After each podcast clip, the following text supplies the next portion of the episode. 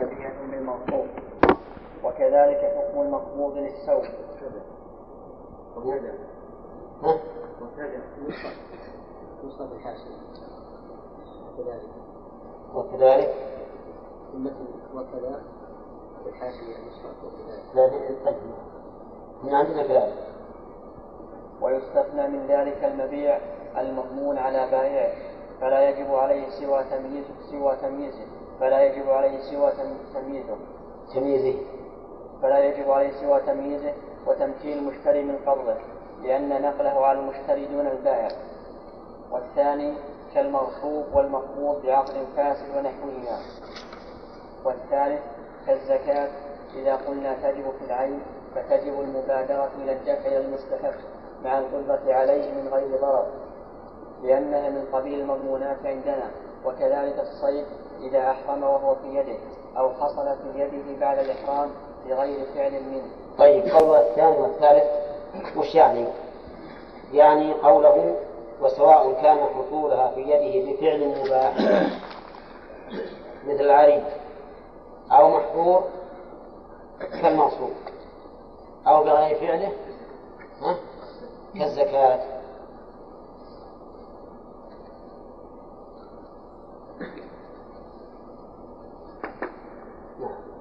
ها؟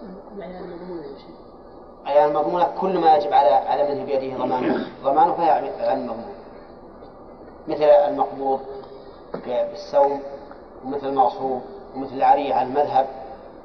المهم كل شيء يكون مضمونا على من هو في يده فهي عيان مضمون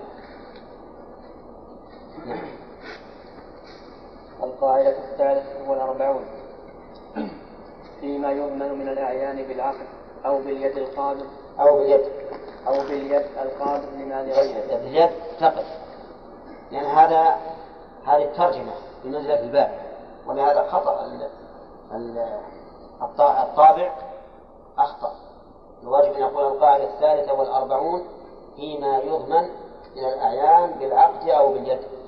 حطها عنوان. طيب يحسن إذا أن نضع شرطة بين اليد والقابل فيما يضمن من الأعيان بالعقد أو باليد القابض لمال غيره لا يخشو إما أن يقبضه بإذنه أو بغير إذنه أو بغير إذنه. فإن قبضه بغير إذنه فإن استند إلى إذن شرعي كاللقطة لم يضمن. وكذا إذا استند إلى إذن عرفي إن استند. وكذا إذا. إن. عندكم إذا؟ والله عندكم إذا ولا إن؟ إذا إن أحسن. تناسب. لأن الأول في يقول إن وكذا إن استند إلى إذن عرفي كالمنقذ لما لغيره من التلف ونحوه وحكى في التلخيص وجها في ضمان هذا وفيه بعد. ونص أحمد على أن من أخذ عبدا آبقا ليرده فأبق منه فلا ضمان عليه. لكن قد يقال هنا إذن شرعي لأخذ الآبق لرده وإن خلا عن ذلك كله لكن قد يقال هنا إذن شرعي لأخذ الآبق لرده ها؟ عندك كذلك؟ خليها نسخة وإن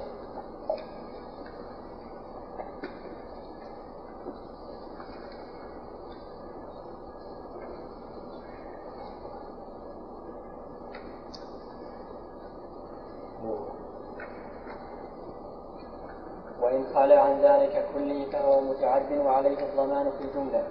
هذا إذا كان أصل القبض إذا كان أصل القبض غير مستند إلى إذن.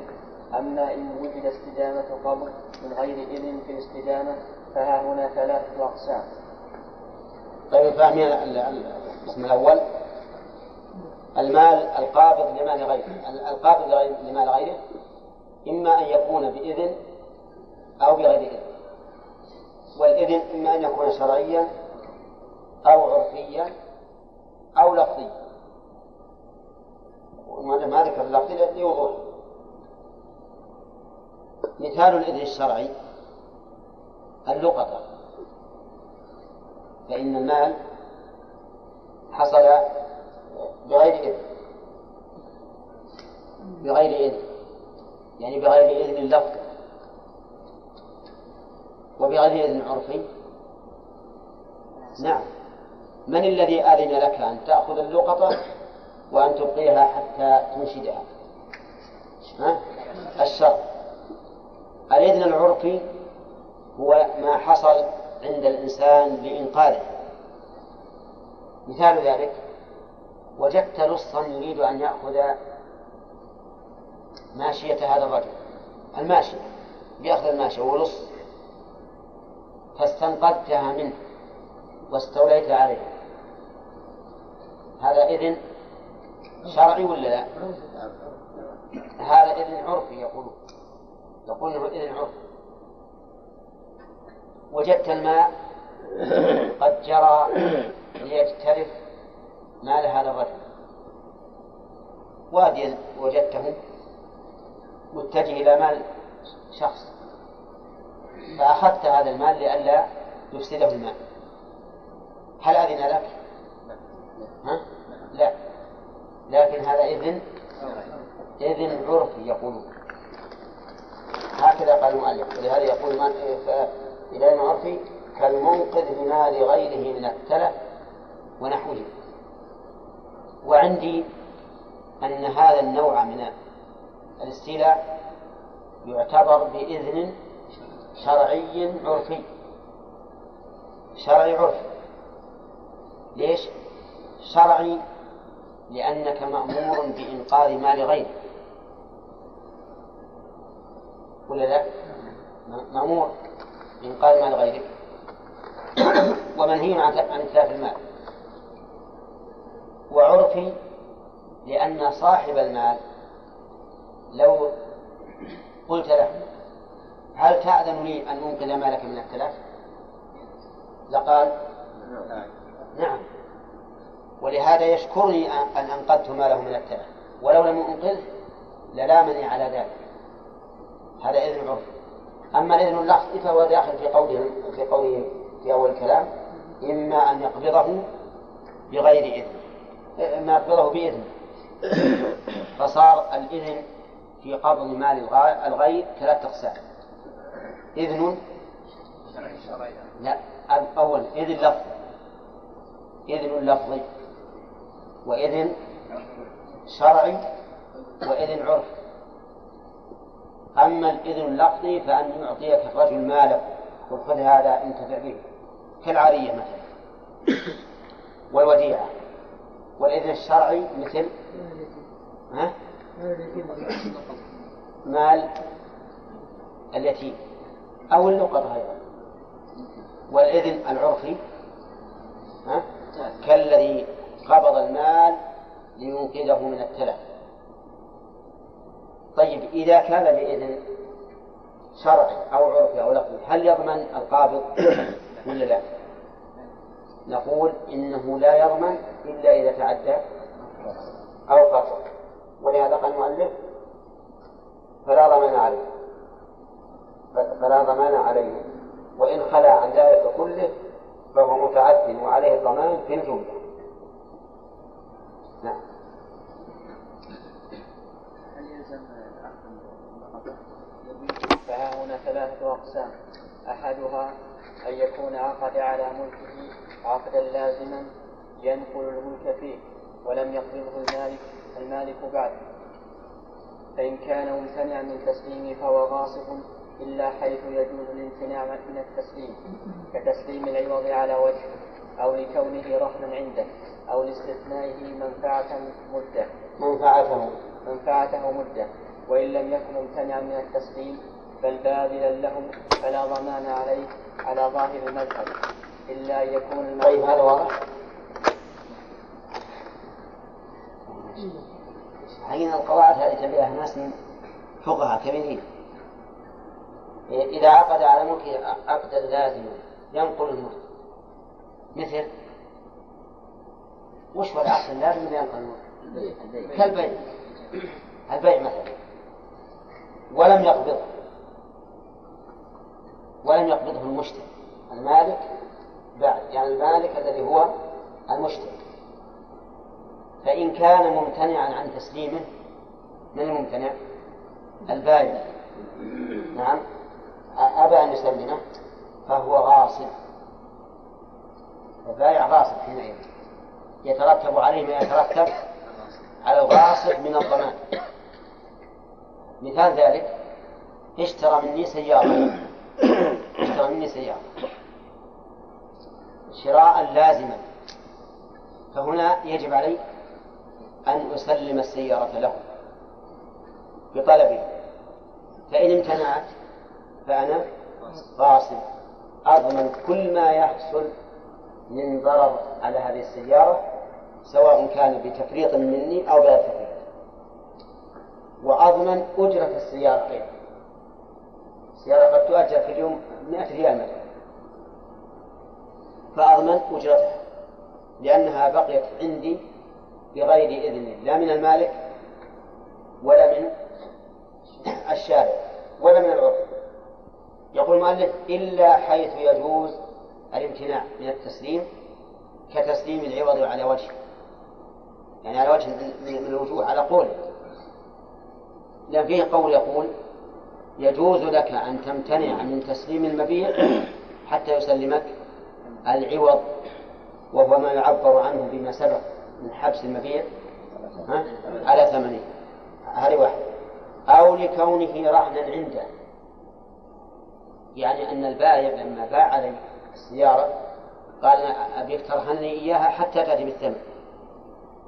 صار بقاءها عندي عند البائع. هذه حق ولا لا؟ بحق. فلا يضمن. أو لاستثناء منفعته مدة. مثل أن نقول بعت عليك السيارة بمئة وتم البيع وانتهى وأعطيتني الدراهم وكل شيء لكن قلت أنا أريد أن أنتفع بها لمدة عشرة أيام أو أن أنتفع بها لأصل إلى مكة وأرجع. فبقاؤها عندي الآن بإذن ولا بغير إذن؟ بإذن. فلا ضمان عليه لأنه بإذن. طيب. صار يستثنى من ذلك ثلاث مسائل. أولا إذا حبستها لتسليم العوض اللي هو الثمن. ثانيا إذا حبستها لكونها رهنة ثالثا إذا حبستها لأني استثنيت المنفعة نعم. وإن لم يكن؟ وإن لم يكن ممتنعا من التسليم بل باذلا له فلا ضمان عليه على ظاهر المذهب إلا أن يكون المعقود عليه مبهما لم يتعين بعد. كقفيز من صبرة فإن عليه ضمانه في الجملة. نعم وبماذا يخرج من ضمانه؟ إذا لم يكن إذا لم يكن ممتنع من التسليم فإنه لا ضمان عليه لكن المؤلف يقول إيش؟ فلا ضمان عليه في ظاهر الجملة في ظاهر المذهب إلا أن يكون المعقود عليه مبهما كقفيز من صبرة أولا القفيز ما هو؟ القفيز مكيال مكيال معروف. والصبرة الكومة من الطعام. فإذا بعت عليك قفيزا من هذه الصبرة. نعم. فهل علي ضمانه؟ الجواب نعم. لأنه مبهم. لم يتعين ملكي في هذه الصبرة. بل لي منها ها؟ قفيز من صبرة. فإن عليه ضمانه في الجملة على البائع ضمانه في الجملة وبما لا يأخذ من ضمانه إلى آخره. نعم. وبماذا يأخذ من ضمانه قال الفرقي والأصحاب لا يزول ضمانه بدون قبض المشتري وهل يحصل القبض بمجرد التقلية مع التمييز أو لا يحصل بدون النقل؟ فيما ينقل. على روايتين فإن اعتبرنا النقل امتد الضمان إليه.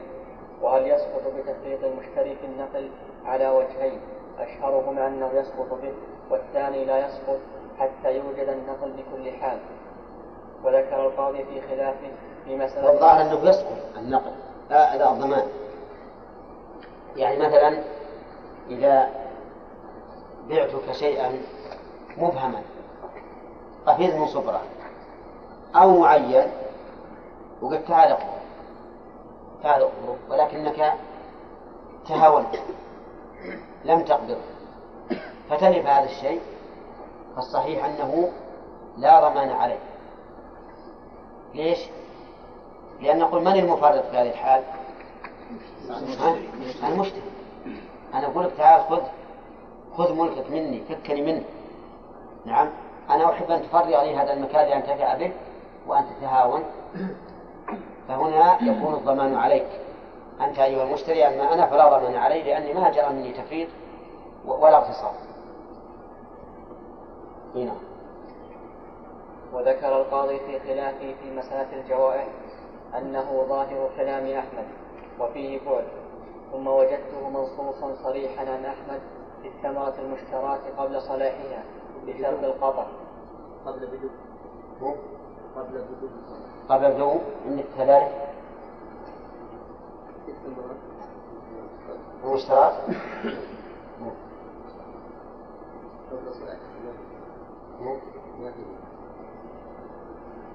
إذا خلينا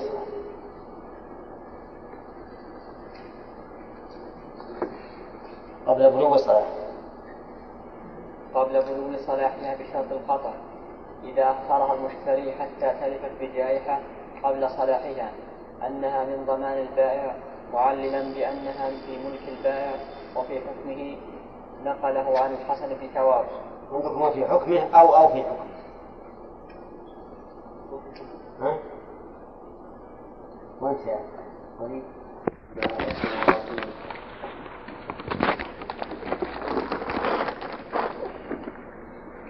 الحمد لله والصلاة والسلام على رسول الله قال رحمه الله تعالى وإذا اعتبر التقوية ما كم صفحة؟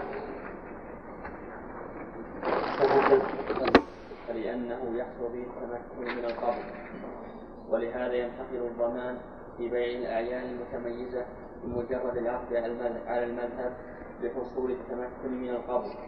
ولعل اشتراط النقل إنما يخرج على الرواية الأخرى وهي ضمان جميع الأعيان قبل القبض.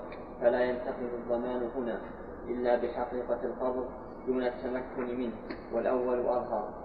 لأن الذي يجب على البائع التمييز أو التمييز والتقوية وهو التسليم فأما النقل فواجب على المشتري لأن فيه تفريعا لأن فيه تفريغا تفريغا؟ لأن فيه تفريغا لملك البائع من ماله فيكون بتركه بتركه مفرطا فينتقل الضمان إليه. ويشهد له شراء الثمرة في رؤوس النخل فإن الضمان ينتقل فيه بمجرد بمجرد انتهاء الثمر إلى أوان أخذه. وصلاحيته له سواء قطعه المشتري أو لم يقطعه على الصحيح ولكن هل هل يعتبر لانتقال الضمان التمكن من القطع أم لا؟ خرجها ابن عقيل على وجهين من الزكاة. ورجح عدم اعتبار التمكن عدم. ورجح عدم اعتبار التمكن. والذي عليه القاضي والأكثرون اعتبار والذي عليه القاضي والأكثرون اعتبار التمكن من النقل في جميع الأعيان فلا يزال من ضمان من ضمان البائع فلا يزال في ضمان. فلا يزال في ضمان البائع حتى يحصل التمكن حتى يحصل تمكن المشتري من النقل. وصرح ابن عقيل بخلاف ذلك وأنه يضمن الأعيان المتميزة بمجرد العقد سواء تمكن من القبض أو لم يتمكن كما قال في مسألة الجوائح وكذلك حكم المملوك بصلح أو خلع أو صداق يعني هذه مسألة الجوائح. يعني إذا باع الإنسان ثمرة النخل على رؤوس النخل وتلفت هذه الثمار فإنها من ضمان من؟ من ضمان البائع. لقول النبي عليه الصلاة والسلام إذا بعت من أخيك ثمرا فأصابته جائحة فلا يحل لك أن تأخذ منه شيئا بما تأخذ مال أخيك بغير حق. لكن إذا وصلت إلى أوان الأخذ وفرط المشتري بترك أخذها. فإنه لا ضمان على البائع حينئذ. يعني بمعنى أن الثمرة هذه وصلت إلى حد أخذها. يعني إلى حد جدها وفرط المشتري فإنه لا ضمان على البائع حين البائع حينئذ. وكذلك إذا كانت الثمرة مما يخرف يعني مما يؤخذ رطبا وفرط المشتري فلم يأخذها رطبا فإنه لا ضمان على البائع حينئذ نعم. هذا ما نقول المؤلف في مسألة الجواب. وخلاصة القسم هذا أن نقول الأعيان المتميزة التي تنتقل عن مالكها انتقال انتقالا لازما تكون من ضمان المشتري لكن هل يشترط التمكن من القبض أو لا يشترط على قولين أكثر الأصحاب يرون أنه يشترط وابن عقيل رحمه الله يقول إنه لا يشترط أما الأشياء المبهمة كقفيز من صبرة فإنها من ضمان من؟ من ضمان البائع لأن لا لأنها لم تتميز للمشتري حتى تكون من ضمانه. نعم. القسم الثاني أن يعقد عليه عقدا وينقله إلى يد المعقود له ثم ينتهي العقد أو ينفسخ وهو نوعان. أحدهما أن يكون عقد أن يكون عقد معاوضة عقد. أن يكون عقد معاوضة كالبيع إذا انفسخ بعد قبضه بعيب أو خيار والعين المستاجرة إذا انتهت المدة أو العين التي أصدقها المرأة أو أقبضها ثم طلقها قبل الدخول. والثاني أن يكون غير معاوضة كعقد الرهن إذا وفى الدين وكعقد الشركة والمضاربة والوديعة والوكالة. إذا فسخ العقد فسخ. إذا فسخ العقد والمال في, يد في أيديهم. فأما عقود المعاوضات فيتوجه فيها لأصحاب وجوه أحدها أن حكم الضمان بعد زوال العقد. حكم ضمان المالك. المالك الأول قبل التسليم. فإن كان مضمونا عليه كان بعد انتهاء العقد مضمونا له وإلا فلا. وهي طريقة أبي الخطاب وصاحب الكافي في آخر في آخر في آخرين. اعتبارا لأحد الضمانين بالآخر. فعلى هذا إن كان عوضا في بيع أو نكاح وكان متميزا لم يضمن على الصحيح. وإن كان غير متميز ضمن. وإن كان في إجارة ضمن بكل حال. والوجه الثاني إن كان انتهاء العقد بسبب يستقل به يستقل به من هو في يده كفسخ المشتري أو يشارك فيه الآخر كالفسخ منهما فهو ضامن له لأنه بسبب. تسبب. لأنه تسبب. كذا عندكم؟ إيه نعم. لأنه تسبب إلى جعل ملك غيره في يده. وإن كان وإن, وإن استقل به الآخر كفسق الباء. كفسق. كفسق كفسق يعني كفسق البائع كفسق البائع وطلاق الزوج فلا ضمان لأنه حصل في يد هذا بغير سبب منه ولا عدوان فهو كما لو ألقى ثوبه في داره بغير أمره. وهذا الوجه ظاهر وهذا الوجه ظاهر ما ذكر ما ذكره صاحب المغني في مسألة الصداق. وعلى هذا يتوجه ضمان العين المؤجرة بعد انتهاء المدة لأنه تسبب في رفع العقد مع المؤجر. ووجه ووجهه أن وجهه ووجهه أن الإذن في القبض إنما كان لازما للوجوب للوجوب الدفع. للوجوب. ها؟ للوجوب. لوجوب الدفع. ولا لا مين؟ لا والله هو الظاهر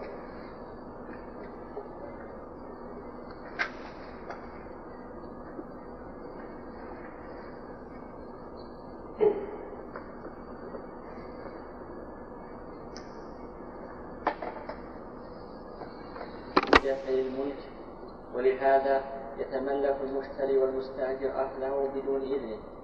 فبعد يتملك ولا يملك؟ يملك. يملك. يملك.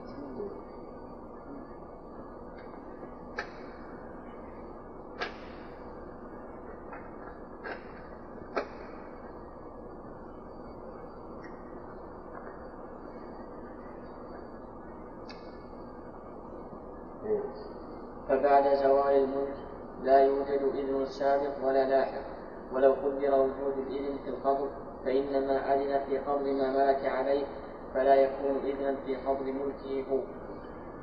والوجه الثالث حكم الضمان بعد الفصل حكم ما قبله فإن كان مضمونا فهو مضمون وإلا فلا يكون البيع بعد فسخه مضمونا لأنه كان مضمونا على المشتري بحكم العقد ولا يزول الضمان بالفسخ صرح بذلك القاضي في خلافه ومقتضى هذا ضمان الصداق على المرأة وهو ظاهر كلام صاحب المحرم وأنه لا ضمان في الإجارة لأن العين لم تكن مضمونة من قبل.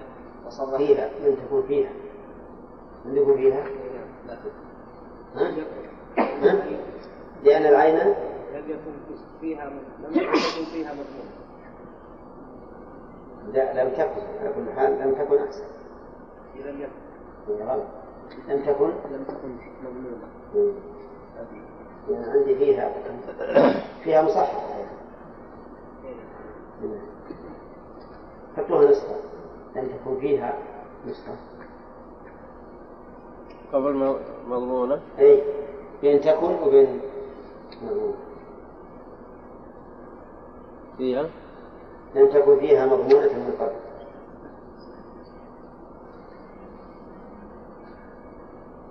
وصرح بذلك القاضي وغيره بوجه.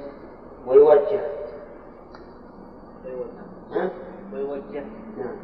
فهو كذا وليد؟ أي نعم. نعم. ويوجه. نعم. ويوجه. ويوجه بأن المبيع والصداق إنما أقبضه لانتقال ملكه عنه بخلاف العين المستأجرة فإنه أقبضها مع علمه بأنها ملكه فكان إذن في قبض ملكه. بخلاف الأول. حتى قال القاضي وأبو الخطاب لو عجل لو عجل أجرتها ثم انفسخت قبل انتهاء المدة فله حبسها حتى يستوفي الأجرة ولا يكون ضامنا. والوجه الرابع أنه لا ضمان في الجميع ويكون المبيع بعد فسخه أمانة محضة. صرح بذلك أبو الخطاب في الانتصار لأنه حصل تحت يده ملك غيره بغير عدوان فلم يضمنه كما لو طارت الريح إليه ثوبا وكذلك اختاره القاضي في المجرد وابن عقيل في الصداق بعد الطلاق والوجه الظاهر هذا هو أصح الأقوال أصح الأمر هذا أنتم فاهمين أصل المسألة؟ ها؟ كيف؟ طيب يقول مالك رحمه الله القسم الثاني أن يعقد عليه عقدا وينقله إلى وينقله إلى يد المعقود له ثم ينتهي العقد أو ينفسخ وهو نوعان. أحدهما يكون عقد معاوضة كالبيع إذا انفسخ بعد قبضه نعم.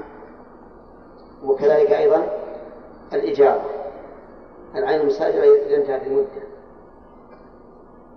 مثال ذلك. آه، بعت عليك ثوب وتبين أن فيه عيبا. فللمشتري الفسخ. أبلغني المشتري أنه فاسق العقد. أنه فاسق العقد. قال والله أنا الثوب ما به لأنه معي.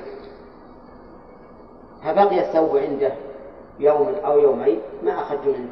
فتلف صحيح أنه في هذا الحال لا يضمن لأن وجوده بيده كان بإذن مالكه. فليس معتديا. ليس معتديا حتى نقول إنه ضامن. كذلك العين المؤجرة. العين المؤجرة يعني أجرتني مثلا سيارة لمدة يومين. فانتهت الأجرة وأبقيت السيارة عندي. فتلفت. فلا ضمان علي. لماذا؟ لأن وجودها بيدي كان بإذن المال فليس مني عدوان.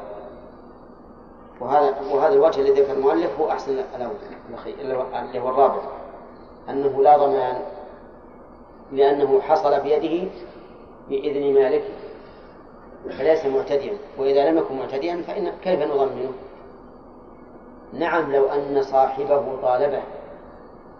لما تمت الأجرة يا عبد الله لما تمت الأجرة قال أعطني إياه وصار يماطل به ففي هذه الحال يكون ضامنا لأنه تعدى حيث لم لم يسلمها إلى صاحبها نعم. والوجه الخامس التفريق بين أن ينتهي العقد أو يطلق الزوجة وبين أن ينفسخ أو يطلق الزوج. أو يطلق الزوج وبين أن ينفسخ العقد في الأول يكون أمانة محضة لأن حكم المالك ارتفع وعاد ملكا عندنا حكم الملك. نسخة نسخة. كم؟ الملك. لأن حكم المالك ارتفع وعاد عندنا الملك نسخة. أظنها أصح. نسخة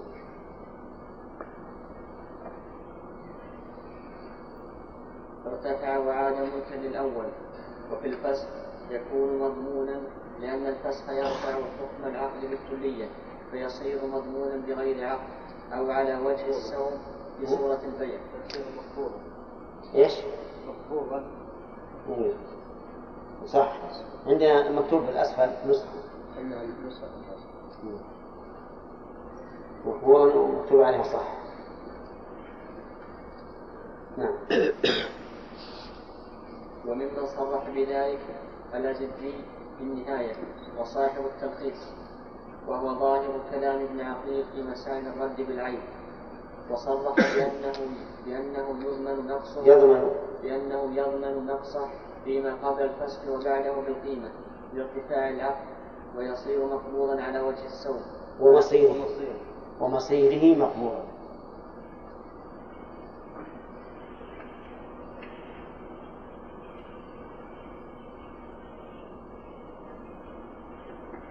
ومصيره مقبوضا على وجه السوق ونقل الأكرم عن أحمد في من دفع إلى آخر دينارا دينارا من شيء كان له عليه فخرج فيه نقص فقال للدافع خذه وأعطيه غيره. فقال أمسكه معك حتى أبدل حتى أبدله لك. فضاع الدينار فقال ما أعلم عليه شيئا إنما هو الساعة مؤتمن. الساعة. مما هو الساعة. إنما هو الساعة مؤتمن. فيحتمل أن يكون مراده أن الممسوح بعيب بعيب بعد فسخه أمانة ويحتمل وهو أظهر أن يكون إنما جعله أمانة بأمر المعطي بإمساكه له فهو كإيداعه منه. والنوع الثاني عقود الأمانات كالوكالة والوديعة والشركة والمضاربة والرهن. إذا انتهت و- وإنما قال المؤلف أظهر لأن الإمام أحمد قال لا ما أعلم عليه شيئا إنما هو الساعة مؤتمن الساعة يعني حين قال له أمسك حتى أرد لك البدن فكلام الإمام أحمد يحتمل لكن الاحتمال الثاني أظهر. ولكن كما قلت في الأول في الوجه الرابع أن الصحيح أنه لا ضمان عليه ما لم يتعدى أو يفرق. نعم. والنوع الثاني عقود الأمانات كالوكالة والوديعة والشركة والمضاربة والرهن. إذا انتهت أو فسخت والهبة إذا رجع فيها الأب أو قيل بجواز فسخها مطلقا كما أفتى به الشيخ تقي الدين ففيه وجهان. ففيها وفيها فتن ففيه فيه؟ فيها. فيه؟ أحدهما أنها غير مضمونة صرح به القاضي وابن عقيل وابن عقيل في الرهن وأنه لا يجب رده إلى صاحبه. استصحابا للإذن السابق والائتمان كما صرحوا به في الإجارة وكذلك صرح به القاضي وأبو الخطاب في خلافيهما في بقية العقود المسماة.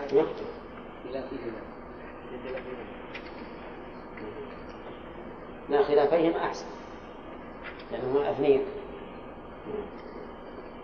وش الخلافين؟ كتب. كتاب اسمها الخلاف. يعني يذكر الخلاف بين الإمام أحمد وبين غيره من الأئمة.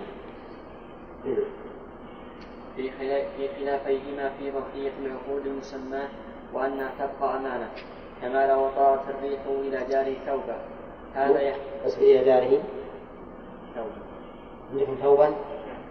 ترى عندي أنا نسختي وثوبا لكن خطأ. كان أحد عندكم مثل نسختي؟ نعم. هذا يحتمل أنه وهذا. وهذا يحتمل. الواو متأخر. أي. وهذا يحتمل أنه مع علم المالك بالحال لا يجب الدفع لأن الواجب التمكين لأن الواجب التمكين منه. تمكن نسختين تمكين والتمكن لا حمله إليه كما تقدم. والفرق بين عقود الأمانات المحضة والمعاوضات أن المعاوضات تضمن بالعقد وبالقبض فإذا كان عقدها فإذا كان عقدها مضمنا كان فسخها مضمنا. مضمنا كان فسخها كذلك.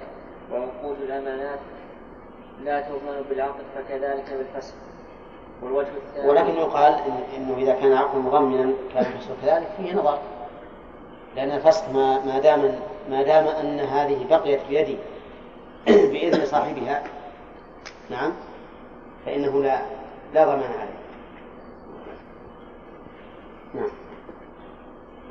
والوجه الثاني أنه يصير مضمونا إذا لم يبادر إلى الدفع إلى المالك إن, إن لم إن لم يبادر إلى الدفع إلى المالك كمن أطارت الريح إلى داره ثوبا وصرح به القاضي في موضع آخر من خلافه في الوديعة والوكالة. هذه مهمة.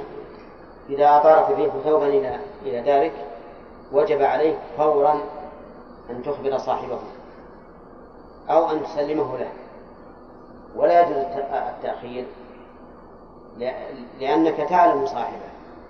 فإذا علمته وقد حصل هذا الثوب بيدك بغير إذن من مالكه فإنه يجب عليك أن تبادر إلى تسليم وكذلك لو وجدت قلما أو ساعة وأنت تعرف صاحبه. فإن الواجب عليك المبادرة إلى إخباره أو تسليمه إياه. ولا يجوز لك أن تؤخر لأنك لأن في تأخيرك عدوان عليه فإنه إذا تأخرت في إعلامه أو تسليمه قد يظن أنها آه، ذهبت. فيذهب ويشتري غيرها أو ما أشبه ذلك من الأمور التي تتعلق بهذا بهذا الموضوع. والمهم أن كل مال حصل بيدك بغير إذن مالكه فإنه يجب عليك المبادرة إما إلى تسليمه أو إلى إخباره. هنا. نعم. وكلام القاضي وابن عقيل يشهر بالفرق بين الوديعة والرهن فإنهما عللا كون الرهن أمانة بأنه بأنه أمانة ووثيقة فإذا زالت الوثيقة بقيت الأمانة. كما لو كان عنده وديعة فأذن له في بيعها ثم نهاه. وهذا التعليل مقتضاه الفرق بين الوديعة وبين الشركة والمضاربة والوكالة. لأن هذه العقود لأن هذه العقود العقود كلها مشتملة لأن هذه العقود كلها مشتملة على ائتمان مشتملة على ائتمان وتصرف. فإذا زال التصرف بقي الائتمان بخلاف الوديعة فإنه ليس فيها غير ائتمان غير ائتمان مجرد فإذا زال صار صار ضامنا وحكم المغصوب إذا أبرأ المالك الغاصب إذا أبرأ المالك الغاصب من ضمانها كما ذكرنا. كذا من ضمانها ولا من ضمانها؟ ضمانها. طيب عندكم وحكم المغصوب ولا الغصوب؟ المغصوب الغصوب ها؟ وأنت عندك؟ المغصوب طيب إن كانت المغصوب فالصواب إذا أبرأ المالك الغاصب من ضمانه. من ضمانه. المغصوب مفرد. أما إذا قيل الغصوب فإنه يقال من ضمانه. وعليه يحط نصف الغصوب نصف.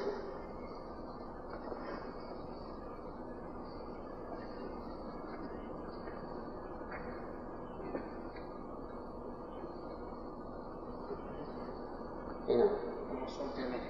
جمع جمع أي جمع جمع غصب القسم الثاني أن تحصل في الثالث. الثالث أن تحصل في يده بغير فعله أن يحصل بالله. لا بالياء حطوا اللي فتحة حطوا تحت أن تحصل في يده بغير فعله يحصل. أن يحصل في يده بغير فعله كمن مات مورثه وعنده وديعة أو شركة أو مضاربة فانتقلت إلى يده فلا يجوز الإمساك بدون إعلام المالك ها؟ له ها؟ فلا يجوز له له نعم صح عندنا.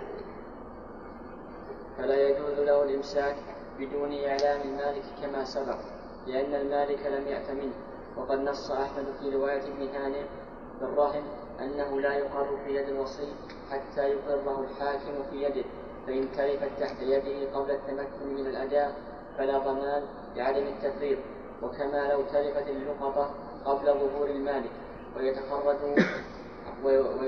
ويتخرج وجه آخر للضمان كما خرجه ابن عقيل في البيع. وإن تلفت بعده فالمشهور الضمان لتعديه بترك الرد مع إمكانه وهو غير مؤتمن. وحكى صاحب المقنع وجها آخر. وأشار إليه صاحب التلخيص أنه لا ضمان ويكون أمانة عنده كما لو انقضت مدة الإجارة ثم تلفت العين بيد المستأجر وبينه عنده المستأجر في نسخة كيف؟ نسخة بيد؟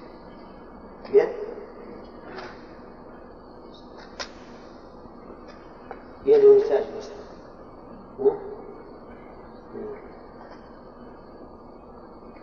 وبينهما فرق فإن المستأجر مستصحب للإذن للإذن في القبض بخلاف هذا.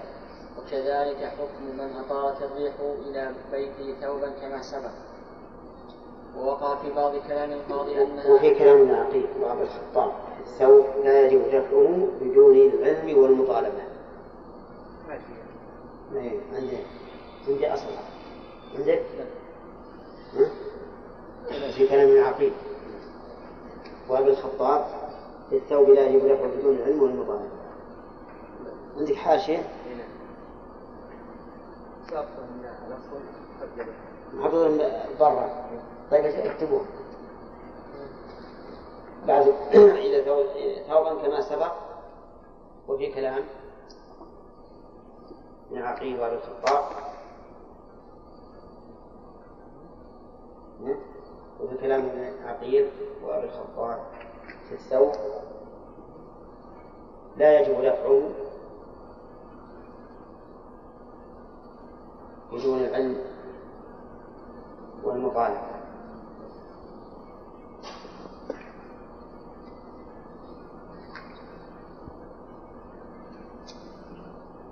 نكتب لا الظاهر انه اصل عندي مصحح تصحيح.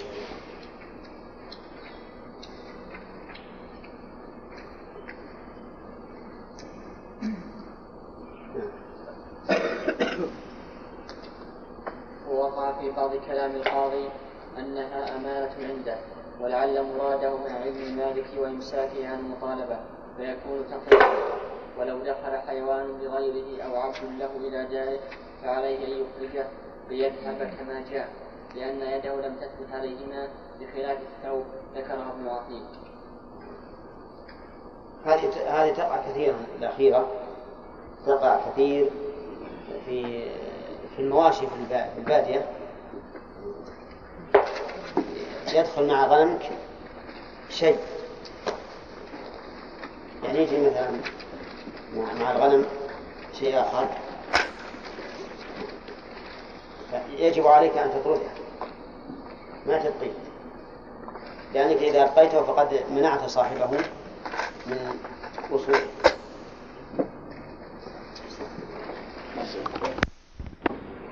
ما قبضه آخره لمصلحة نفسه. كالعارية فهو مضمون في ظاهر المذهب.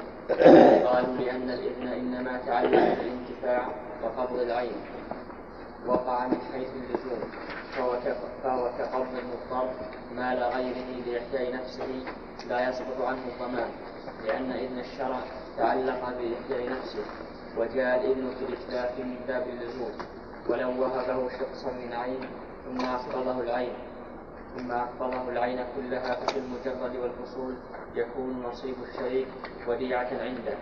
واستدرك ذلك ابن عقيل في فنونه وقال بل هو عارية حيث قبضه لينتفع به بلا عوض. وهذا صحيح إن كان أذن له في الانتفاع به مجانا. أما إن طلب منه أجرة فهي إجارة وإن لم يعلن له في الانتفاع بل في الحكم فوديعة ولو قال أحد الشريكين للعبد المشترك أنت حبيس على آخرين موتا لم ياتق لموت الأول لموت الأول منهما ويكون في نسخة بموت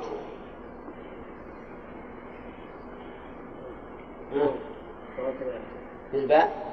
والثانية النسخة الثانية كيف؟ هي فصل ما هي قاعدة ها؟ أمس ما حطيت عليه إشارة. ترى القاعدة عند الناس في التصحيح إذا وصل إلى حد يكتب بلغ. بلغ على الهامش. أي طيب خلاص اللي عندك أنت حطوها نسخة يعلم يعتق لموت. الأول حط نسخة بموت لأن الباء أوضح.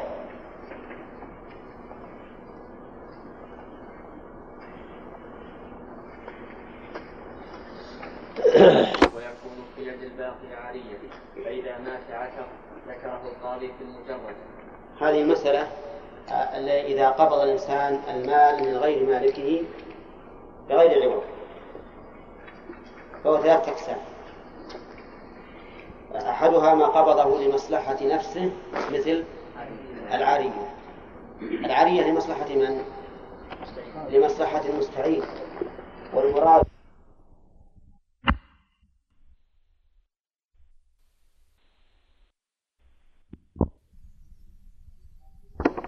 هل العري العري مضمونة ولا لا؟ نقول أما إذا تلفت فيما استعملت له فهي غير مضمونة. غير مضمونة لأن المالك قد أذن في ذلك. مثاله أعرتك من شفة تعرفون من شفة؟ نعم. فبدأت تستعملها أنت مع طول الاستعمال تلف الخمل. الخمل نعم. وش هو الخمل؟ اللي هي الفتل الباردة إيش؟ الفتل الباردة الشعر اللي فيها هذا أقرب شيء. ولأن مع الاستعمال يزول هذا الشيء. هل أضمن ذلك أم لا؟ الجواب لا. الجواب لا أضمن. أعرتني قلما. أعرتني قلما.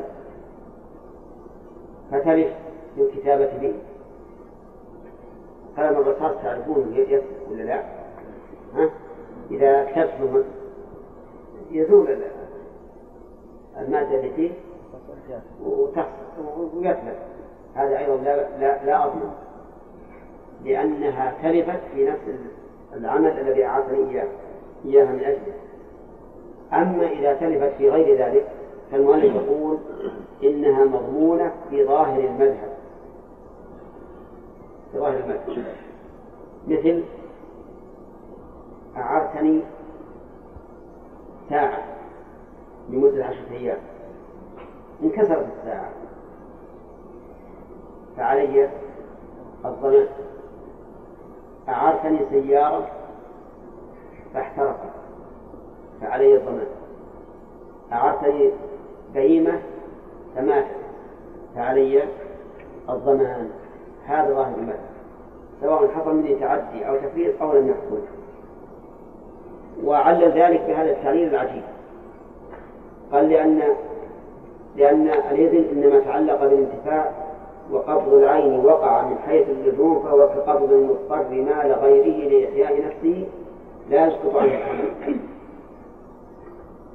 لأن الشرع لأن إذن الشرع تعلق بإحياء نفسه وجاء الإذن بالذات من باب اللزوم نقول أولا هذا القياس فيه نظر.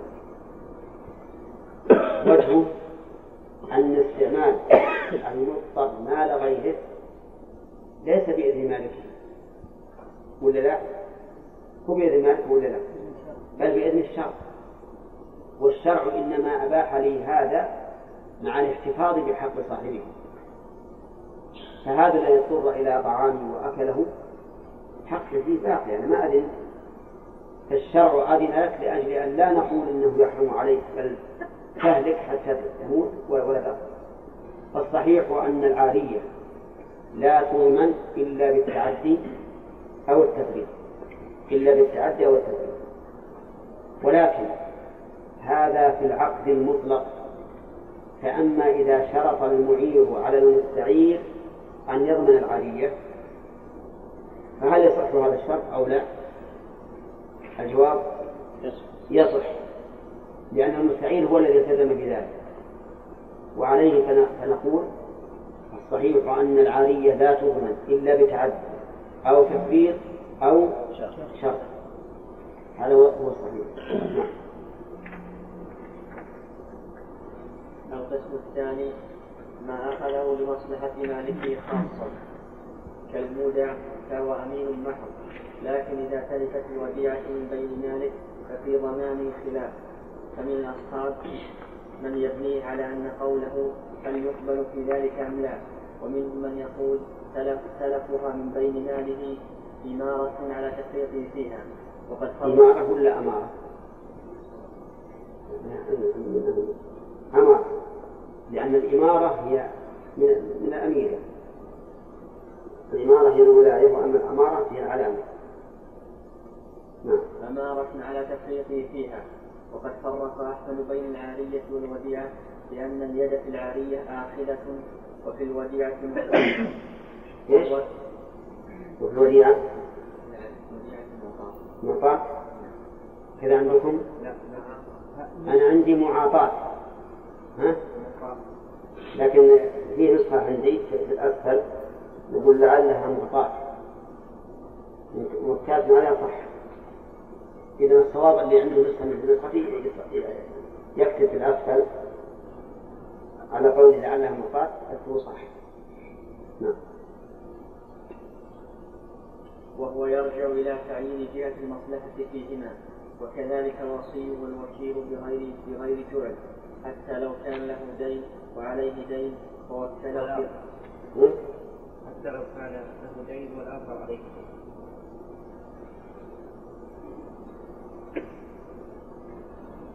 كذا عندك وليد كان له عليه دين. حتى لو كان؟ كان له عليه دين. ولا عندك إيش؟ حتى لو كان له دين والآخر عليه دين. حتى لو كان له دين والآخر عليه دين. إحنا عندنا حتى لو كان له دين وعليه دين. والآخر؟ عليه دين هي نسخة ما في النسخة هذا المعنى. حافظ سليمان مشهور. والآخر عليه دين طيب نشوف بين الكلام نعم.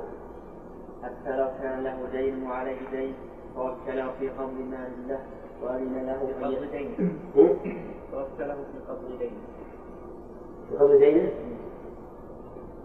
ولي في قبض ماله في قبض مال الله نعم. ووكله في قبض مال الله وأذن له أن يستوفي حقه منه. فتلف المال قبل استيفائه فإنه لا يضمنه. نص عليه أحمد في رواية المثنى الأنباري. طيب هذا القول أيضا فيه. الصحيح أنه لا ضمان عليه حتى وإن تلفت من بين ماله. الوديعة. تعرفون الوديعة؟ ها؟ وشو؟ يعني دفعت مالي لشخص يحفظه. هذه الوديعة فتلف المال عندك. فالمذهب هو الصحيح أنه لا ضمان على المول إلا إذا تعدى أو فرط والقول الثاني أن عليه الضمان إذا تعدى أو فرط أو تلفت الوديعة من بين ماله. كيف من بين ماله؟ يعني مثلا ما أنا حاطة مع مالي. مع مالي. فتلفت هي ومالي لم يتلف يكون هذا يضمن لأن كونها تتلف من بين ماله يدل على التفريط. ولا ماله ما تلف معه. ولكن الصواب أنه لا, لا ضمان عليه. إلا بتعدي أو تفريط. نعم.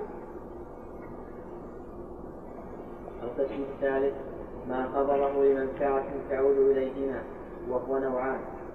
أحدهما ما أخذه على وجه الملك فتبين فساده أو على وجه السوء فأما الأول فهو المقبول بعقد كافر وهو مضمون في المذهب لأنه قبضه على وجه على وجه الضمان ولا بد.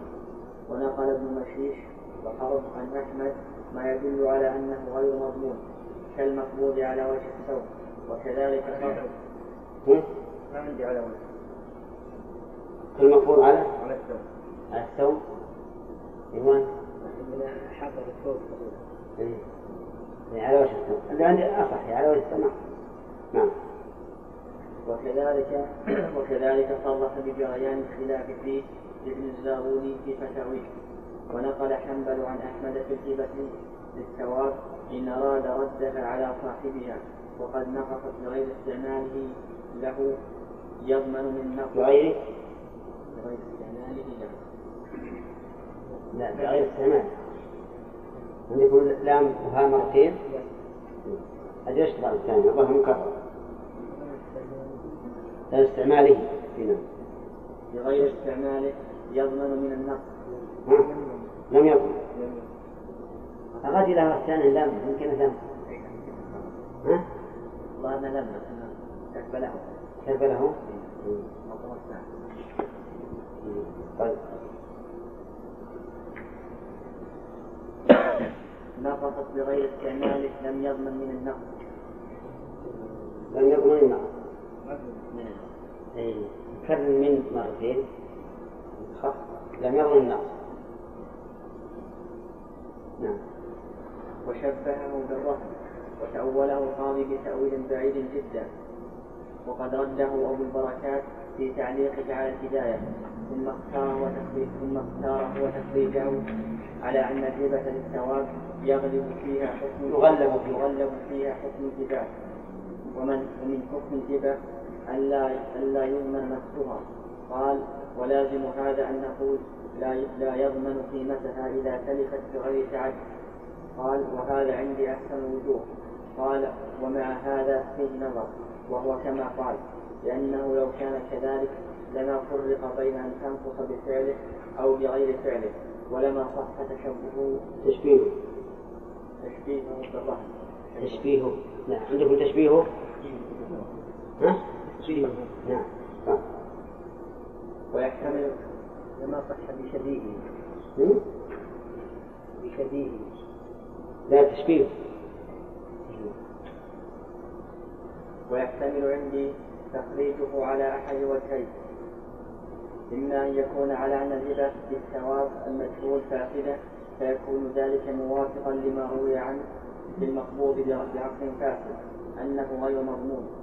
وإما على أنها صحيحة وهو الأظهر لقوله ثم أراد رده إلى مالكه فدل على أن له إمساكه وذلك لا يكون إلا مع الصحة فعلى هذا إنما لم يضمن إنما لم يضمنه النقص لأن الهبة للثواب لا تملك بدون دفع العوض وكذلك كبه ولذلك. ولذلك لا ولذلك. ولذلك شبهها بالرهن وسنزيده إيضاحا في المقبول بالثوم إن شاء الله تعالى. وأما المقبول على وجه الثوم فمن الأصحاب من يحكي في ضمانة روايتين سواء أخذ سواء أخذ بتقدير. عرفتم هذه؟ المقبوض لمنفعة الطرفين. الخالد والمقدر مثل المقبوض بعقد فاسد. مثال المقبوض بعقد فاسد لو بعتك شيئا بعد أذان الجمعة الثاني. فإن البيع بعد أذان الجمعة الثاني ممن تلزمه الجمعة فاسد. لأن الله تعالى يقول ذروا البيع. فإذا بعنا فالعقد فاسد. حتى لو قبضت المبيع وقبضت أنا الثمن فالمبيع اللي أنا قبضتك لي والثمن لك أنت لا يحل لك أنت أن تتصرف فيه ولا يحل لي أن أتصرف في الثمن عرفتم؟ لكن هل هو مضمون؟ هل هو مضمون على القابض أو غير مضمون؟ المذهب أنه مضمون لأن الملك لم ينتقل فيه إلى الآن ملكي على هذا الشيء. فهو مضمون عليك. عينه ومنفعته. عينه واضح. منفعته؟ إذا كان مما يؤجر فأنا أحملك الأجرة ولنضرب المثل ببيت. بعت عليك بيتا بعد نداء الجمعة الثاني بعد نداء الجمعة الثاني عرفت؟ البيع حكمه؟ أي باطل. فالبيت إذن على ملكي أنا. البيت على ملكي أنا. فعلى المذهب ألزمك بدفع أجرته. ألزمك بدفع أجرته. ليش؟ لماذا؟ لأن البيع باطل. البيع باطل وقع بعد أذان الجمعة الثانية. إيه، لكن كيف يضمن؟ أظن لأن لأن ملك لأن قبضه قبضه إياه على غير عقد صحيح. فأنا أضمنه. كيف أضمنه؟ أقول إذا بقي عنده سنة مثلا. إذا بقي عنده سنة فيسلم أجرته سنة كاملة. وإن وإن نقص البيت أو متى تكسرت الأبواب أو ما أشبه ذلك فأضمنه النقص. أنا بالنسبة لي ماذا أصنع؟ أرد عليه الثمن أرد عليه الثمن والتصرف بالثمن ما ما نعم. إن تصرفت به تصرفت فيه فربحه يكون بيني وبينه. ربحه يكون بيني وبينه. يتصرف فيه. وإن ما تصرفت فأنا أعطيه دراهم وآخذ ملكي وآخذ أجرته وآخذ نقصه. نعم هذا هو المذهب. ولهذا يقول وهو مضمون في المذهب. لكن نقول نقل بعض أصحاب الإمام أحمد ما يدل على أنه غير مضمون كالمقبوض على وجه السوم وعلى هذا فلا بد أن نقرأ المقبوض على وجه السوم نعم. وأما المقبوض؟ خلينا نشوف الآن. نعم. وأما المقبوض وأما المفروض على وجه الثوب فمن الأصحاب من يحكي في ضمانه روايتين سواء أخذ بتقدير الثمن أو أو بدونه وهي طريقة القاضي وابن عقيل. وصحح الضمان لأنه مقبول على وجه البدل والعوض فهو كالمقبول بعقد كافر ثم إن كان لا يقدر الثمن. لم لم لم يقدر. لم يقدر. ثم إن كان لم يقدر الثمن ضمنه بقيمته وإلا فهل يضمنه بالقيمة أو بالثمن المقدر؟ على وجهين ذكره ذكرهما ابن عقيل وقال ابن أبي موسى نقله مع تقدير الثمن ليريه أهله فإن رضوه ابتاعه فإن رضوه ابتاعه فهو مضمون بغير خلاف وكذلك إن ساوم صاحبه صاحبه به ولم يقطع ثمنه. صاحبه ولم عندكم به؟ لا نريد الخطيات وكذلك ينسى صاحبه به وأنت يا وليد؟ يا الله أن أنت أحسن. ينسى صاحبه ولم يقطع ثمنه مشتوم عليها اي نعم.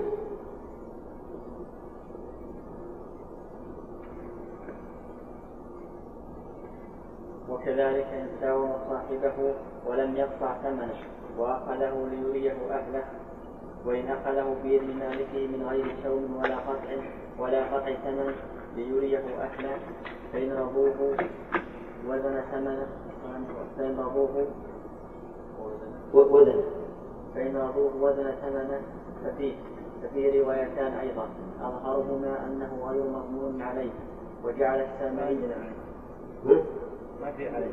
كيف؟ أنه غير مضمون بس ما هي عليه؟ لا. إذا عندي عليه. وليد. هي. عليه؟ ها؟ مرتفعي بس تختلف عنها. يعني فوق أي ملحقة يعني طيب ما عليه. أحسن وجعل السامري الضمانة السامري. نصف هي سامرة نصف سامرة سامري هي السامري نسبة إلى سامرة في العراق. وجعل السامري الضمان فيما فيما قطع ثمنه مبنيا على أنه بيع بالمعاطاة بشرط الخيار. وهذا يدل على أنه يجري فيه الخلاف إذا قلنا لم ينعقد البيع بذلك. وفي كلام أحمد إيماء إلى ذلك. لأنه علل الضمان في رواية ابن منصور بأنه ملكه وعلل في رواية غيره انتفاع الضمان فيما إذا لم يقطع ثمنه لأنه ملك للبائع ملك للبائع بعد حتى يقطع ثمنه. ففهم منه أنه مع القطع ينتقل الملك فيه إلى المشتري ويؤخذ من ذلك أن المقبوض بعقد فاسد لا يضمن أيضا ببقاء الملك فيه لمالكه. وكذلك فرق بين أن يكون المأخوذ سلعتين ليختار أيتهما شاء أيتهما. في نسختين أيهما. عندكم بالتاء ولا باء؟ أيهما. كلكم؟ بدون تاء إيه. فعندنا أيتهما. ليختار أيتهما شاء فلا يضمنها. طيب المهم الآن المقبوض بالسوم على وجه السوم تعرفونه؟ ها؟ المقبوض على وجه السوم طيب يعني سمت منك هذا الشيء وقلت يا أخي هذا ببيعه عليك قطعنا الثمن فذهبت به لأريه أهلي. إن رضوه كمل وإلا فلا. لكن هذا الشيء سقط من يدي. وانكسر وتلف علي ضمانه ولا لا؟ هذا فيه روايتان عن أحمد. في روايتان رواية أنه مضمون ورواية أنه غير مضمون. والصحيح أنه غير مضمون إذا لم يكن تعد أو تفريط. وقد سبق لنا قاعدة في هذا وهو أن كل شيء أخذ بإذن الشرع أو بإذن المالك فإنه غير مضمون. لأنه غير مضمون. طيب. بناء على هذا نقول المقبوض بالعقد الفاسد الذي سبق فيه إذن المالك دون إذن الشرع. في إذن المالك دون إذن الشرع. فيكون على قول الراجح غير مضمون إلا إذا تعدى أو فرط نقول صحيح أن الملك باق على يد صاحبه لكن لا ضمان عليه. أما في مسألة الأجرة فإن أجر فإن أجره إن أجره المشتري بالعقد الفاسد فالأجرة للمالك لأنها نماء ملك وإن لم يؤجر بل انتفع به فلا أجرة عليه لأنه انتفع به بإذن من؟ المالك. بإذن المالك فلا ضمان عليه. هذه القاعدة التي تطمئن إليها النفس أما إنسان أخذه بعقد فاسد وبقي عنده مدة ثم جاء البائع وقال والله العقد فاسد. عطم بيتي مثلا. يقول أعطني إياه وضمن النقص. هذا في النفس منه شيء. وربما يفعل كثير من الناس هذا يخدع غيره. ربما يخدع غيره. يجي الواحد غريب مسكين عقب ما أذن الجمعة الأذان الجمعة الثاني قال بيع علي بيتك يا فلان. قال تجزم نعم. وهذه اللي يقول البالي تبي تشتري بيتي. قال إيه كانت جازم على بيع عن تاج البيت. قال جاء شراه منه هذاك المسكين فرح وأخذ البيت وسلم الثمن وسكن هو وأهله.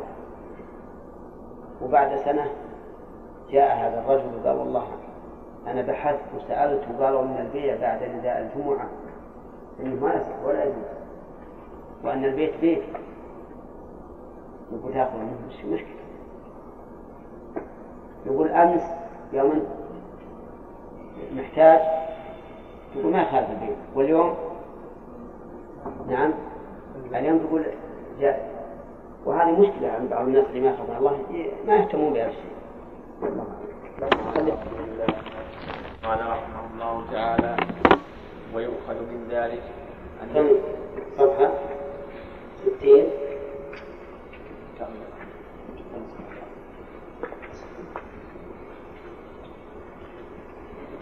كم أول أول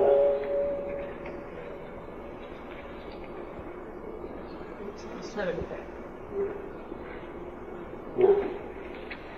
ويؤخذ من ذلك أن المقبوض بعقد فاسد لا يضمن أيضا لبقاء الملك فيه لمالكه. وكذلك فرق بين أن يكون المأخوذ سلعتين ليختار أيتهما شاء فلا يضمنها وبين أن يكون سلعة واحدة وهذا يحتمل ثلاثة أمور. عندنا نسخة فلا يضمنهما. مثنى عندك سامي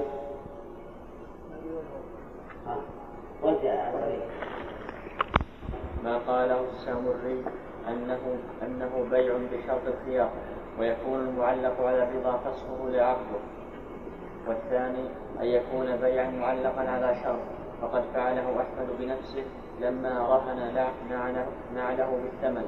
ويبعد هذا أنه لم يفرق بين أن ويبعد هذا أنه لم يفرق بين أن بين أن يتلف قبل الرضا به أو بعده.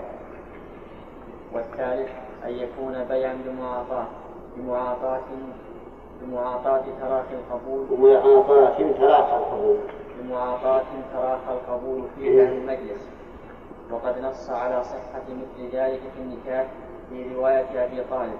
ومن هذا النوع ما إذا ما إذا قبض المشتري زيادة على حقه غلطا فإنها تكون مضمونة عليه لأنه قبضها على وجه العوض. ذكره القاضي وابن عقيل والأصحاب. وذكره؟ إذا بدونه أحسن.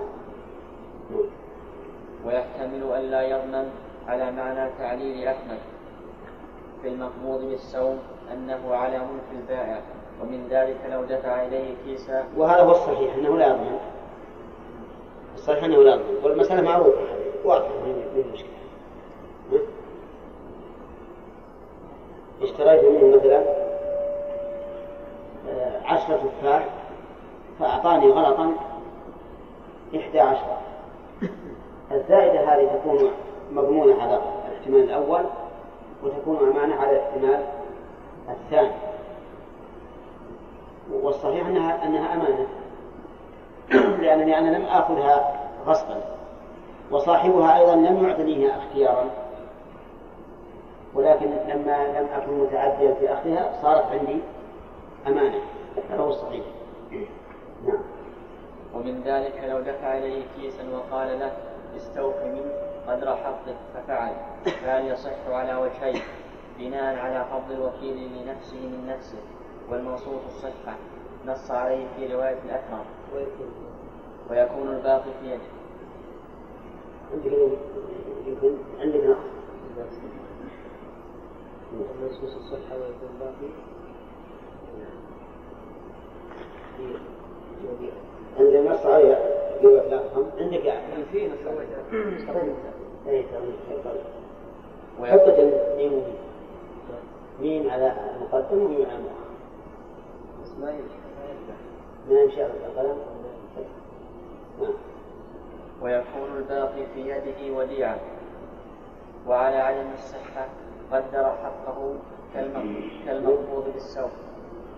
والباقي أمانة. كالمقبوض على السوق. على السوق عندنا نسختين طيب عندكم على عدم الصحة؟ إيش بعده؟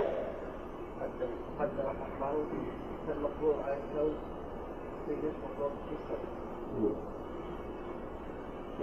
قدر حقه كالمقبوض كمقبوض بالسوق يعني نسخة ثانية. هي نسخة ثانية على السوق هنا. قدر حقه. هنا وعلى عدم الصحة قدر حقه كالمقبوض بالسوق والباقي أمانة. ذكره في التلخيص. ولو دفع إلى غريم له نقدا من غير جنس ما عليه ليصارفه عليه. فيما بعد فهي أمانة محضة. نص عليه. يصارفه عندكم؟ ولا يصادقه؟ نسخة لكن ما له وجه يصادقه الأحسن إن شاء الله. يشتغل خلاص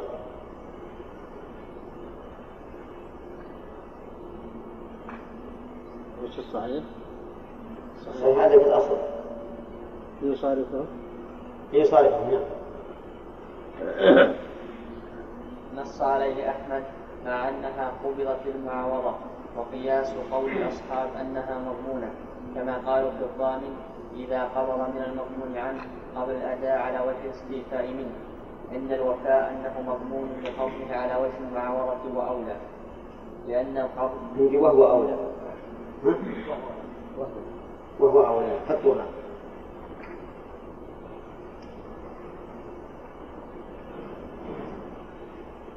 وهو أولى. على وجه المعاوضة وهو أولى. لأن القبض هنا وجد قبل الاستحقاق فهو كما لو أقبضت المرأة زوجها مالا عوضا عوضا عما يستحقه عليها بالطلاق قبله. طيب. النوع الثاني؟ نعم. النوع الثاني ما أخذ لمصلحتيهما على غير وجه التمليك لعينه. مصلحتهما. ما أخذ ولا ما أخذ؟ لمصلحتهما.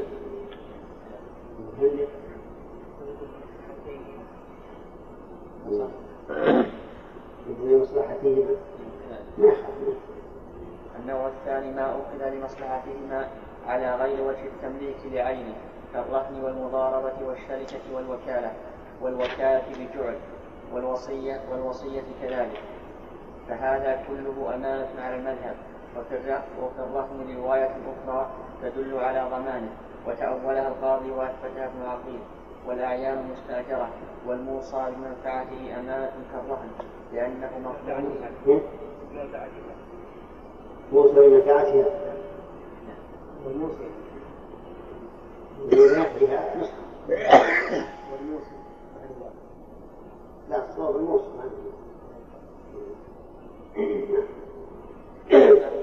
على وجه الاستحقاق تنبيه. من الأعيان المضمونة ما ليس له مالك من الخلق. وما له مالك غير معين.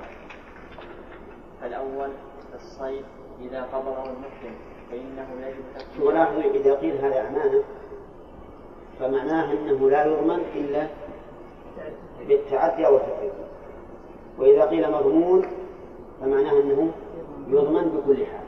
كان المؤلف هنا يقول يقول فهو أمانة على كل أمانة على المذهب وفي الرهن روايات أخرى تدل على ضمانه ضمانه مطلقة يعني بدون تعد ولا تفريط والحاصل أن ما قال العلماء إنه أمانة القاعدة فيها أنه لا يضمن إلا بتعد أو تفريط. وما قيل مضمون فهو مضمون بكل حال.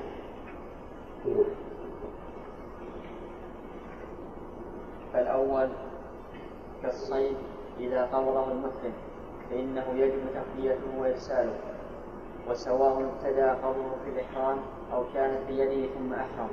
وإن تلف قبل إرساله فإن كان بعد التمكن منه وجب ضمانه للتفريق. وإن كان قبله لزمه الضمان فيما ابتدأ قبضه في الإحرام. دون ما كان في يده قبله لتفريطه في الأولى. دون الثانية. هذا قول القاضي وصاحب وصاحب وصاحب المولي وخرج ابن عقيل الضمان فيهما لأنها عين الأولى. فلا يقف ضمانها على عدم التمكن. عين. عين إيه؟ لأنها عين مضمون وفيه نسخة يقول غير.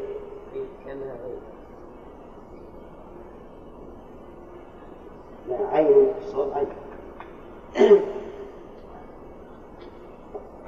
عندكم عين سامي؟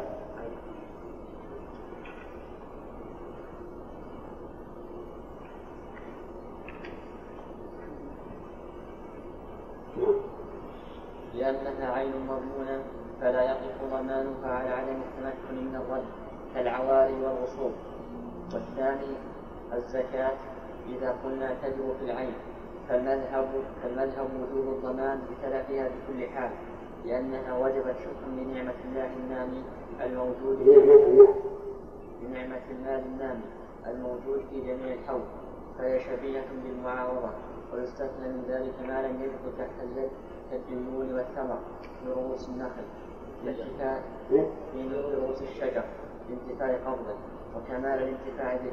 ومن الأصحاب من خرج وجها بسقوط الضمان قبل إمكان الأداء مطلقا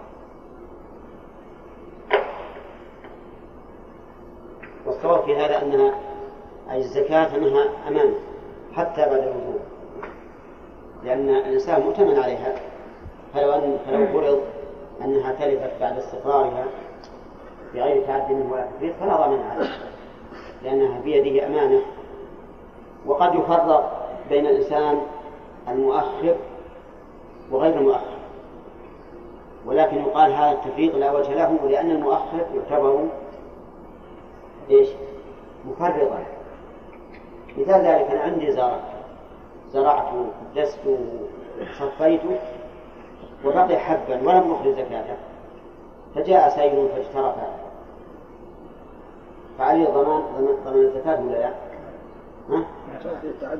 إن كان مفرط بمعنى أنه أمكنني أن أسلم الزكاة إلى أهلها ولكني تهاونت. فعلي ضمان.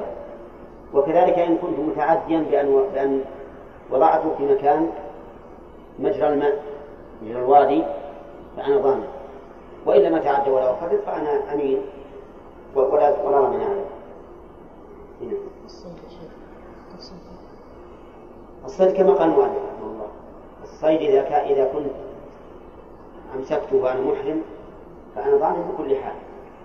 لأنه لا يحل لي إمساكه وإن كان عندي من الأول كان عندي من الأول فأنا يجب علي إطلاقه. فإن فرطت فعلي الضمان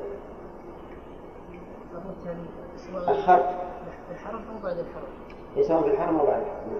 لأن المحرم يوم يحرم يجب عليه أن يتجنب الصيد. نعم. راجح يجب إطلاق الصيد. ها؟ يقول راجح يجب إطلاق الصيد؟ اي نعم. الإطلاق يعني معناه بس يبعد عن يده. مو لازم يطلق يطيره مثلا. اي نعم تخلى عنه. تخلى عنه لكن ما صالح وبالمنهي عن الصيد فقط. نعم. نهي المسلم المنهي عن الصيد وعن وعن إبقائه تحت يده وأما وأما إذا أدخل صيدا إلى مكة الصحيح أنه لا يلزم الإطلاق. بخلاف المحرم نعم. هذه قاعدة من الأعيان مضمونة. كما قال مريض التنبيه نعم. قاعدة لا لا بس هذا تصوير فقط.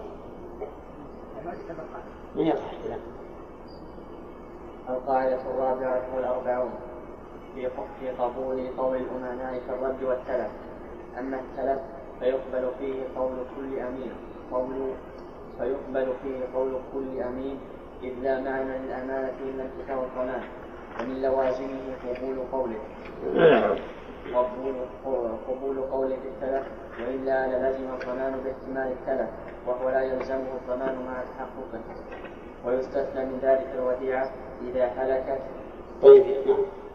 إذا هلكت نار الموجع دون مال إذا هلكت دون مال إذا هلكت إذا هلكت دون المال المودع على طريقة من يحكي الخلاف فيها في قبول قول المدعي. المودع في قبول قول المودع في التلف لا في أصل ضمانه. وكذلك العين المستأجرة والمستأجر على عمل فيها. حكى فيها رواية حكي كيف؟ توفي فيه نعم حكي حكي فيها رواية من الضمان. فمن الأصحاب من جعلها رواية بثبوت الضمان فيها فلا تكون أمانة.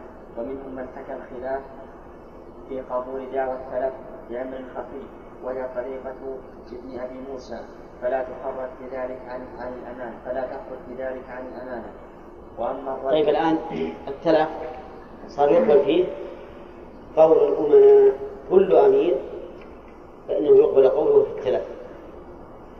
لكن يستثنى من ذلك ما إذا ادعاه بسبب ظاهر فإنه يكلف البينة بوجود ذلك السبب ثم يصدق في أن مالك تلف بهذا السبب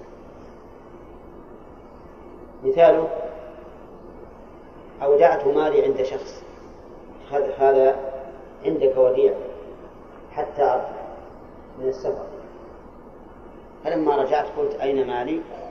قال والله شب حريق في البيت وتلف يحتاج إلى إيش؟ إلى إقامة البين بأن الحريق شب في البيت ثم بعد ذلك يقبل قوله في أنه من جملة التالفات أما لو قال تلف أو سرق أو ما أشبه ذلك فإنه يقبل قوله. ولكن كل من قلنا القول قوله فلا بد فيه من من اليمين المسألة الثانية التي تستثنى مسألة الوديعة إذا تلفت من بين ماله. والصحيح أنها لا تستثنى. كما مر علينا في ذلك المستقنع أنها إذا تلفت ولم يتعدى ولم يفرط فلا ضمان طيب هل نستثني إذا تعدى أو فرط؟ ولا لا؟ لا ما نستثني هذا لأنه إذا تعدى أو فرط زالت الأمانة. صارت يده غير غير أمينة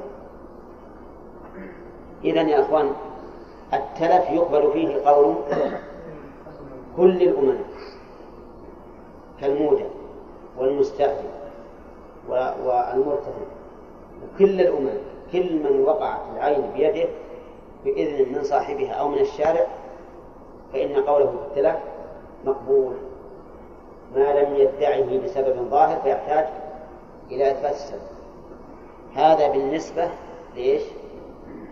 ها؟ نعم إلى التلف وقد قلنا في القواعد كل أمين يدعي نعم والله نسيت الآن.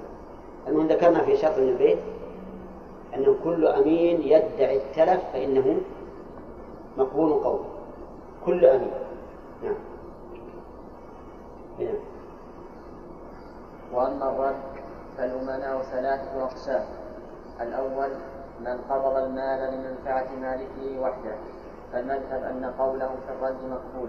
ونقل أبو طالب وابن منصور عن أحمد أن الوديعة إذا ثبتت ببينة لم تقبل دعوى الرد بدون بينة وخرجها ابن عقيل على أن الإشهاد على دفع الحقوق الثابتة الثابتة بالبينة واجب فيكون تركه تفريطا فيجب فيه الضمان فيه عندنا فيه نحط نصف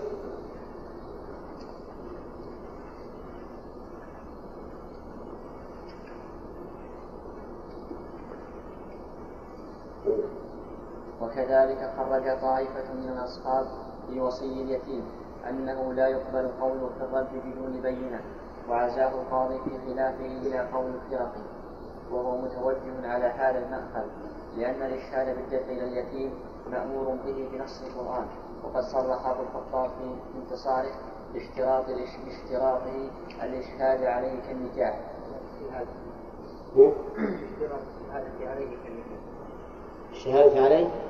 عندك؟ كما قال شهادة. ها؟ عندكم الشهادة؟ نسخة أجل الشهادة النسخة الثانية الشهادة.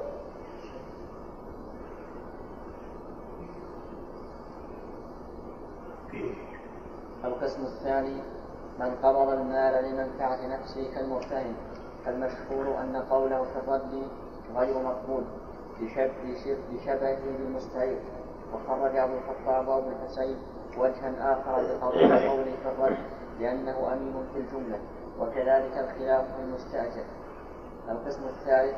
طيب إذا الرد يختلف الأمناء فيه. من قبض العين لمصلحة مالكه مالكها ها؟ فقوله مقبول. إذا قبضها لمصلحة مالكها فقوله مقبول. كالمودع مثلا قبض العين لمصلحة من؟ لمصلحة مالكها الذي أودعه. فإذا جاء المودع بالكسر إلى المودع وقال أعطني وديعتي فقال قد رددتها عليك. قبل قوله لأنه محسن. وقد قال الله تعالى ما على المسلمين من سبيل. نعم هذا واحد. آه، الثاني من قبضها لمصلحة نفسه. مثل المستعير. المستعير قبض العارية لمصلحة من؟ نفسه. لأن والمراد بالمصلحة هنا المصلحة الدنيوية هي الدينية ولا المدير له مصلحة دينية. لكن المراد المصلحة الدنيوية قبضها المستعين لمصلحة نفسه فهذا لا يقبل قوله في الرد. لا يقبل قوله في الرد. بل لا بد من من البينة. وعندكم كذا الشاهدون. خرج أبو الخطاب وأبو الحسين وجه آخر بقبول قوله في الرد لأنه أمين في الجملة. أمين في الجملة وهذا الوجه قوي. أنه يقبل قوله في الرد لأنه أمين. قد قبض العين بإذن صاحبها ولم يتعدى ولم يفرط. فليس هناك فرق بين الأول الذي قبضها لمصلحة مالكها والذي قبضها لمصلحة نفسه من حيث الأمانة. كل منهما مكتمل. القسم الثالث. القسم الثالث. من قبض المال لمنفعة مشتركة بينه وبين مال بينه وبين مالكه كالمضارب والشريك والوكيل والوكيل بجعل والوصي كذلك. ففي قبول القول وجهان وجهان معروفان لوجود الشائبتين في حقهم. أحدهما الوكيل بغير جعل من أي الأقسام؟